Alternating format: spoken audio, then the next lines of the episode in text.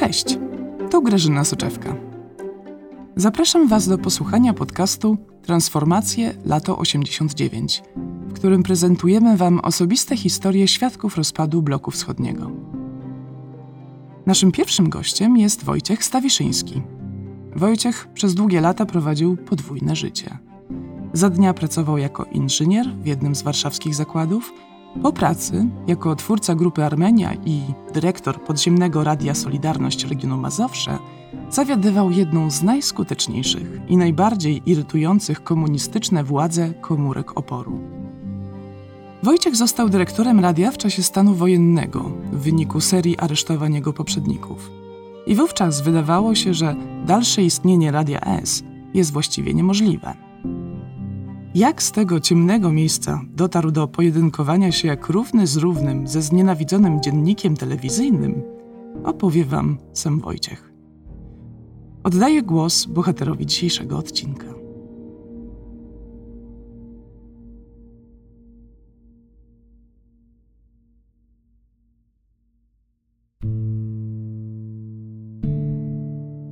W czerwcu albo w maju 1982 roku dostałem pocztą konspiracyjną informację, że góra się chce z tobą spotkać. No, góra, no to jak chce się, no to dobrze. Pojechałem na, na, na, na lokal i tam w tym lokalu konspiracyjnym gościem, który się zjawił, to był właśnie Zbyszek Bujak.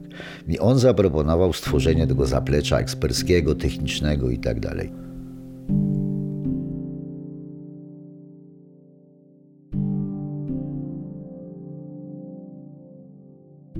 Nie była to dla mnie łatwa decyzja, bo no, zdawałem sobie sprawę, że im bliżej dowództwa, im bliżej centrum, powiedzmy, to pewno i wyrok będzie większy. No ale, ale jeżeli się zdecydowałem działać e, przeciwko e, stanowi wojennemu czy reżimowi komunistycznemu, no to, no to nie mogłem odmówić. I zacząłem od maja 1982 roku tą grupę organizować. Na potrzeby tej, tej nowej grupy przyjąłem pseudonim Andrzej Rudzki.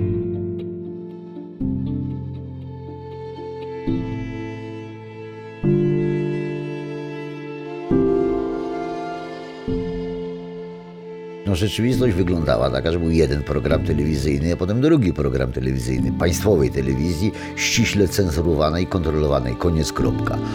Było Radio Wolna Europa, czy y, nadające, bardzo ważne, ale ono było zagłuszane. Mm, prasa wyłącznie koncesjonowana, wyłącznie no, y, po stanie wojennym, no to tylko żołnierz wolności wychodził, potem tam Trybuna Ludu, no potem tam inne, ale to wszystko było cenzurowane. Radio miało jedną niesłychaną przewagę. Ono docierało nie tylko do przekonanych, nie tylko do tych, co mieli kontakty konspiracyjne, nie tylko do tych, co, e, do których gazetki docierały, a mimo tego, że się wszyscy bardzo staraliśmy, żeby tych gazetek jak najwięcej e, wydrukować i tych ulotek jak najwięcej rozrzucić, ale to ciągle był, nie wiem, 1, 2, 3%, tak?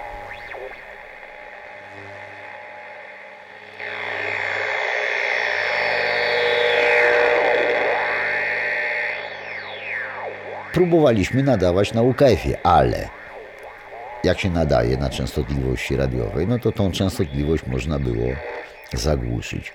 Z kolei powstawała taka pętla, no dobrze, my rozrzucamy ulotki, czy podajemy w prasie podziemnej. 12 marca będzie, o 19.30 będzie audycja. No to wtedy, jak się włączyło ten UKF, a tam pa, pa, pa, pa, pa, pa, pa, pa, pa zagłuszarka. Radio Solidarne. Radio Solidarne. Dzisiejszą na częstotliwości 67 MHz. Audycja zostanie powtórzona we wtorek 8 czerwca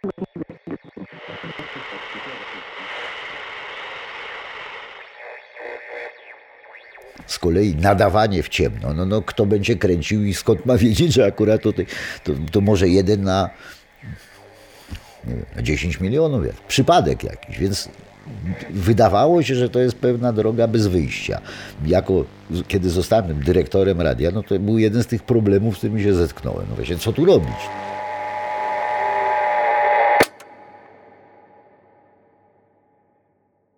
Jak teraz wyjść z tego błędnego koła? No po prostu zaczęliśmy nadawać nie w Warszawie, tylko w okolicach podwarszawskich. Produkowaliśmy niewielkie, dwuwatowe nadajniki Gienia, już przez Armenię robione. No założenie było takie, no nawet jeżeli w Warszawie mają tu zagłuszarkę, no to na miły Bóg, to, że nie, nie, nie przywiozą jej do Pruszkowa, tak? I zwłaszcza, że ulotki rzucimy dzień wcześniej, że jutro będzie audycja. I faktycznie tak się stało. Te audycje miały swój odbiór, e, znaczy odbiór w sensie słuchaczy swoich, tak? E, I tego było bardzo dużo.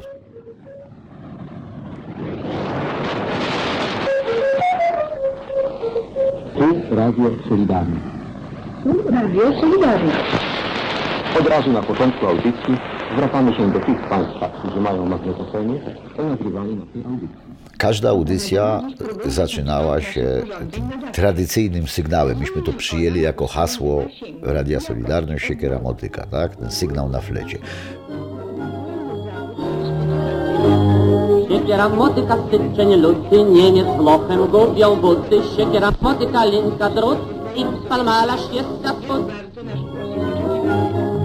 Dostaliśmy y, takie eksperckie opracowanie, że y, ile czasu tak zwane plęgowanie, żeby namierzyć nadający na, y, w Warszawie nadajnik, no więc eksperci nam doradzili, że, że to no, do 6 minut. Tak. Naszych Zawsze były informacje, kogo aresztowali, o represjach, o przypominaniu o więźniach, o, o zwolnieniach z pracy, o warunkach ekonomicznych, ale oczywiście zawsze był jakiś tam wątek, czy to związany z, nie wiem, no dzisiaj mamy 3 maja, więc na 3 maja, bo musiała być jakaś audycja o konstytucji, jakiś fragment pieśni. Yy, Na Wigilię, na Boże Narodzenie była kolenda. Do miasta rozmieszczeni są obserwatorzy, którzy przekażą nam wyniki eksperymentu. Tak więc tych Państwa, którzy odbierają naszą audycję bez żadnych... W tamtych czasach dla ludzi faktem było ważne, że w ogóle ta Solidarność nadaje, że jest audycja, a ludzie nie bardzo pamiętali. W pracy do mnie kolega rozemocjonowany mówi, Radio Solidarność, słyszałem, słyszałem. No co mówili? E, no, co, no ogólnie przeciwko reżimowi, tak, ale co mówili, nie ma, no ale, ale żyją, są.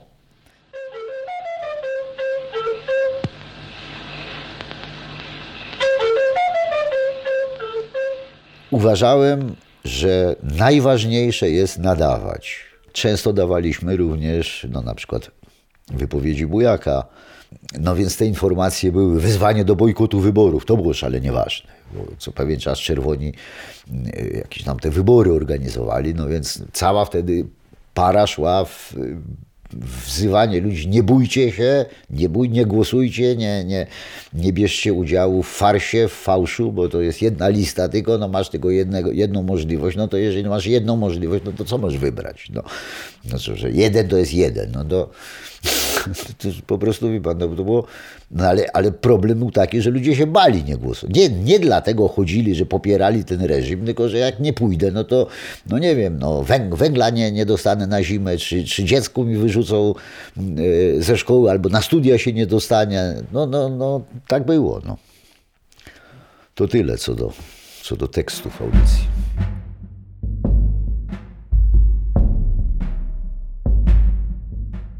Nawiązałem kontakt z y, Stanisławem Rusinkiem. I on miał kontakt z grupą elektroników z y, Wydziału Elektronicznego Politechniki Warszawskiej. I oni wymyślili coś, co jest pewnego typu no, błyskiem polskiego geniuszu. Mianowicie wymyślili nadajnik, który emitował sygnał elektroniczny na częstotliwości y, telewizji, y, ale nie głosu, tylko to działało na ekran telewizji. Inaczej mówiąc, można było wyemitować napis, który pojawiał się na telewizorze. Pierwszy napis to było Solidarność żyje.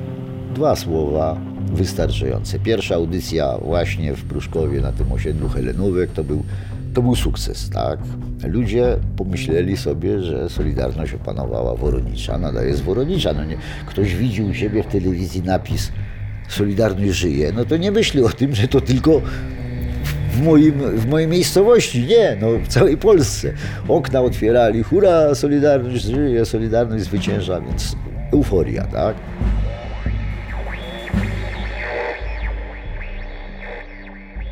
I tutaj rozwiązaliśmy wreszcie te perpetuum mobile, tak? To było perpetuum mobile. Nie trzeba było nikogo informować. Kto miał włączony telewizor, no to, e, to oglądał. Jeżeli w telewizji był mecz, e, nie wiem, tam Górnik Zabrze z kimś, no to było wiadomo, że wszyscy siedzą i oglądają tą telewizję. No to oczywiście nie będziemy ludziom głowy zawracać, jak, jak e, chłopaki grają, ale mecz, pierwsza połowa się skończyła, no to wtedy Bach napis, tak?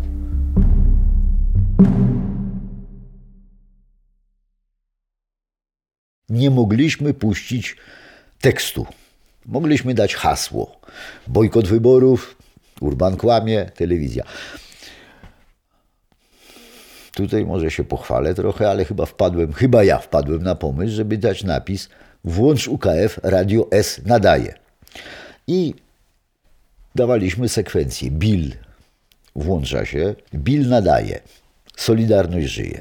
Potem nadaje, powiedzmy, bojkot wyboru, albo tam e, Urban kłamie, albo e, pochód Solidarności 1 maja, czy coś takiego, a potem włącz UKF, każdy ten napis idzie tam dwie minuty, tak? No i potem włącz radio. Tu Radio Solidarność. Dzisiejszą ósmą audycję emitujemy na częstościach 70 i 67 MHz. Audycja zostanie powtórzona we wtorek, 8 czerwca o godzinie 22. Począwszy od przyszłego tygodnia, czas nadawania niedzielnych audycji zostaje przesunięty na godzinę 22. Serwis informacyjny przygotowano na podstawie informacji Solidarności Regionu Mazowsze i Nadajnik Berta. Wojennego. Podajemy wiadomości. I to był tak naprawdę, to było to. To był strzał w dziesiątkę. To polegało na tym, to był duży nadajnik, również 50 watów, ale on wchodził, z kolei nadawał sys- sygnał na częstości fonii telewizji. Pierwszego programu. Efekt był taki, że kto słuchał wtedy telewizji, zau- zauważał, że naraz głos powiedzmy speakera telewizyjnego znika i pojawia się głos tu Radio Solidarność, tu Radio Solidarność. Tu Radio Solidarność. Radio Solidarność. Dzisiejszą ósmą audycję emitujemy na częstościach 70 i 67 MHz. To Audycja zostanie powtórzona No to było coś- wtorek, 8 coś fantastycznego. godzinie 22. dosyć duże bezpieczeństwo, bo to tak samo jak przy Bilu nie ma żadnej potrzeby informowania. Niezły zasięg, bo 50 watów. A możemy nadać audycję 5, 6, 7 minut całkowicie bezpiecznie. Bo służba wojskowa jest w naszym kraju przymusowa. No to zaczęliśmy hulać. I kłamliwej propagandzie. Nie wierzcie im, nie wysługujcie się im, bo oni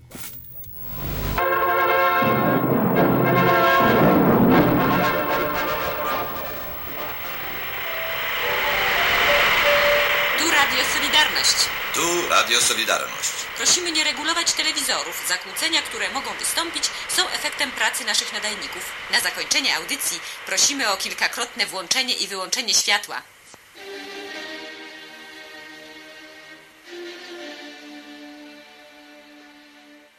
Ludzie byli szczęśliwi, że mogli mrugać. I od relacji, którą osobiście słyszałem od Klekowskiego, który wtedy oni z dachu nadawali tam na Filtrowej, no to oni zobaczyli całą Warszawę, mrugającą, był wysoki budynek a, i przeżyli powiedzmy no, euforię, no to każdy, każdy, każdy emiter y, to panu powtórzy, czy państwu powtórzy, że, że to była ta nagroda za te, za te wszystkie różne niedogodności działalności konspiracyjnej, to było mruganie światłami.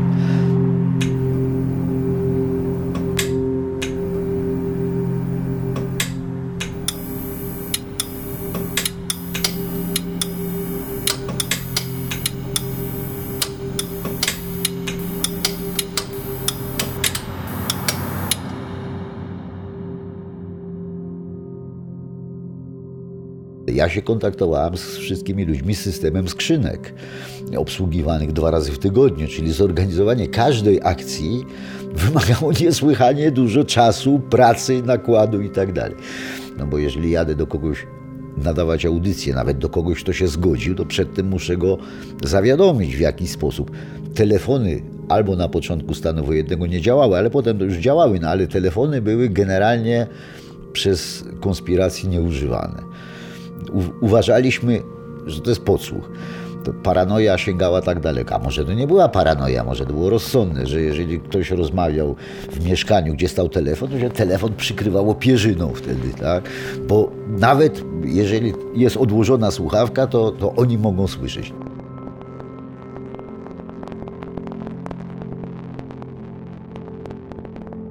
No ale potem to był tak 82, trzeci rok, czwarty rok, piąty, szósty, siódmy, ósmy i do czerwca 89 roku. No to 7,5 roku. No to, no wie pan, 7,5 roku siedzieć w tej konspiracji, bawić się w te skrzynki, w te spotkania i tak dalej. A tu życie normalne, przecież ludzie żyją normalnie. Większość ludzi. Powiedziałbym tak, im dłużej trwało, tym mniej ta opozycja miała no, no, jakby poparcie, traciła zainteresowanie, dużo ludzi się wycofywało, mieli dosyć, no po prostu, no, no dobra, działamy, te, te gazetki rozdajemy, no nawet to radio robimy, no owszem, nadaliśmy, pomrugali, no i co? I co się zmienia, tak? Coraz gorzej, każdy musiał się zająć no, jakimś normalnym, bieżącym życiem.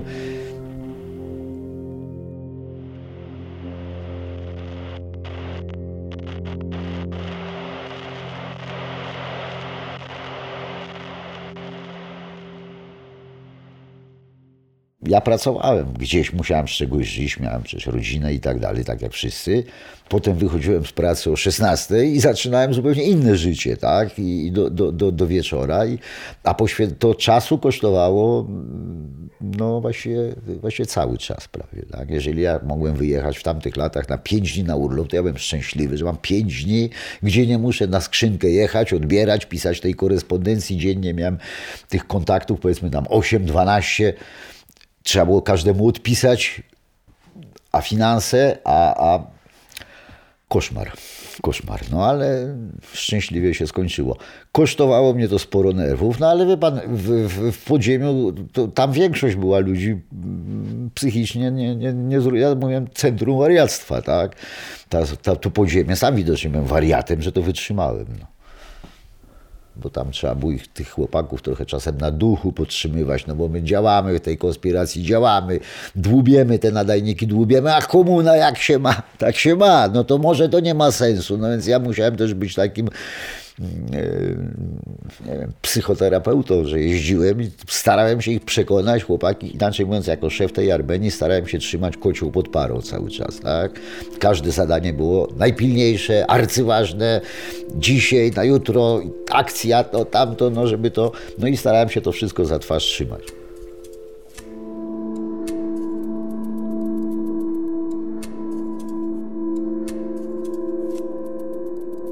Natomiast tutaj już byłem, no, liczyłem się z tym, że, że, że zostanę aresztowany i będę siedział w więzieniu. Ale tak, obawiałem się. Obawiałem się przede wszystkim zbrodniczej y, natury tego systemu. Znaczy, obawiałem się porwania, obawiałem się tego, że mnie gdzieś, zresztą paru kolegów przecież to spotkało. To są znane przypadki z kręgu bliskiego, powiedzmy, to Mirosław Mirecki, który został w sposób no, no, bandycki, po prostu mafijny, porwany z ulicy, nałożono mu worek czy tam opaskę na worek na głowę, prawda, wywieziony do willi, przesłuchiwany i tak dalej. Ale równie dobrze mogli mnie zawieźć do, nie wiem, ja na Bielanach mieszkałem w Warszawie, no to nie wiem, do Campinosu i tam gdzieś utopić w tych, w tych bagnach i, i, i, i, i co będzie, tak?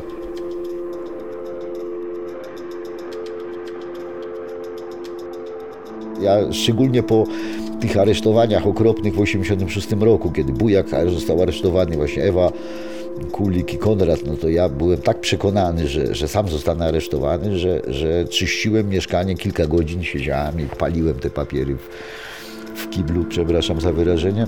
Bo, bo myślę sobie, no po co mam prokuratorowi y, ułatwiać zadanie i y, dowody przeciwko sobie produkować.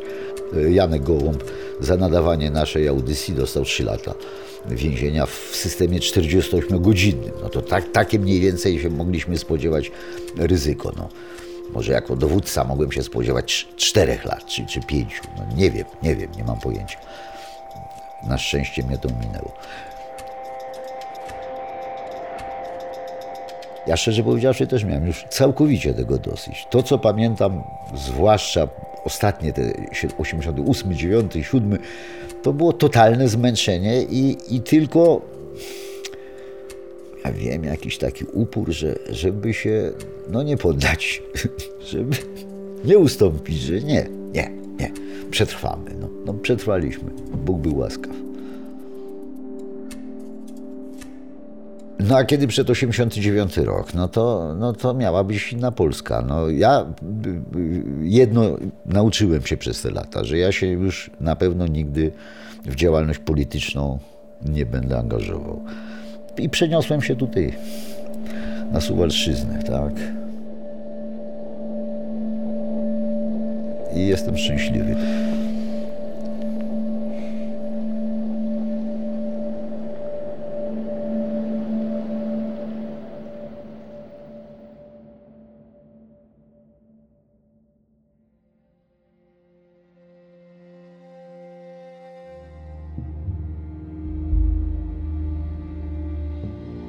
To wszystko na dziś.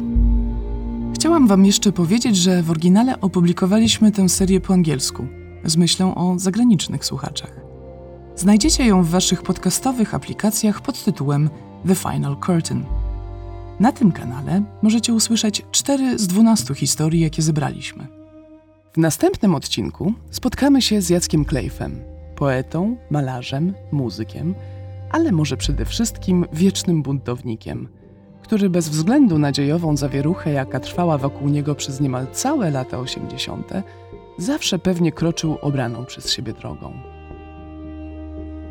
Podcast Transformacje Lato 89 jest produkcją Culture.pl, portalu Instytutu Adama Mickiewicza.